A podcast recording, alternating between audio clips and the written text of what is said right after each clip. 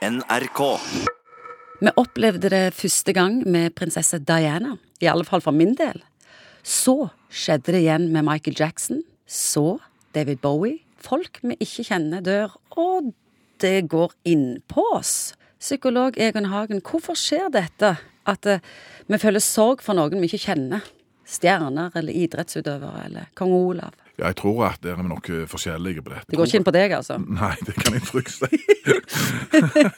Men noen kjendiser er jo mer symboltunge enn andre. altså som Diana, kong Olav og alt dette. altså Bilder på noe som har vært på både sånne identifiseringsmarkører egentlig for en hel generasjon.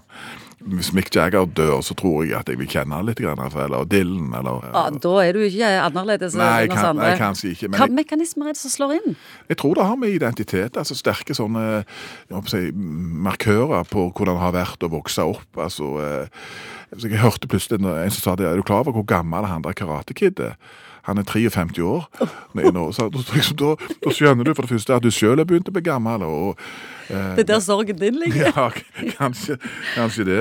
Men, men, men jeg tror det er det. Det handler om identitet. Det handler om noe du har vokst opp med som da er forsvinner. Og det er en påminnelse sånn sett om den forgjengeligheten som omgir oss ved alle. Så den sorgen folk opplever der, kan ikke sammenlignes på noe som helst måte med den sorgen når noen nære dør.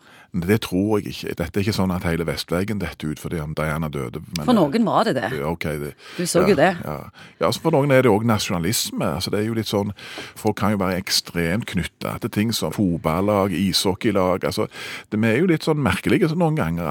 Ha tilhørighet og tilknytning til ting som vi egentlig ikke kjenner, men, men allikevel føler veldig sterkt for det. Er det likhet med latter sånn at sorg òg smitter?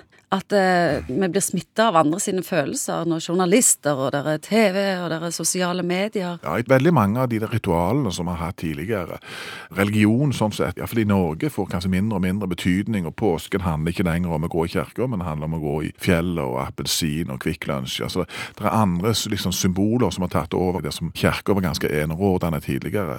Og Jeg ser, jeg ser ikke bort ifra at folk kan ha behov for å samles rundt ting. altså det Enten du samles på Facebook-grupper eller sier, for å oppleve et fellesskap, eller å signalisere at vi hadde faktisk samme forholdet. Og vi går i begravelsen på Facebook. Vi får være med i begravelsen Ja, så, sånn at Dette er sikkert nye og virtuelle måter hvor en kan sparke liv i noen tradisjoner som kanskje ikke var der tidligere.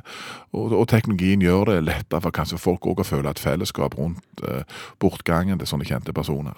Der sa du det. Felles sorg, felles trøst. Vi er jo liksom flokkdyr. Vi liker jo å heie på det samme fotballaget og, og disse tingene. Du kan, har du en, har en kompis som er Everton-fan, så jeg kan ikke tulle med Everton med han, vet du. Det, er- det syns han ikke er morsomt. Ellers kan jeg tulle med han med ganske mange ting, men ikke Everton.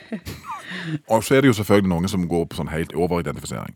Som nekter å ta dette inn over seg. altså Elvis er ikke død allikevel. og liksom... Og, Hva som feiler de, da? Nei, det er jo, Da er vi litt mer over i blåboka eller psykiatrien, tror jeg, dessverre.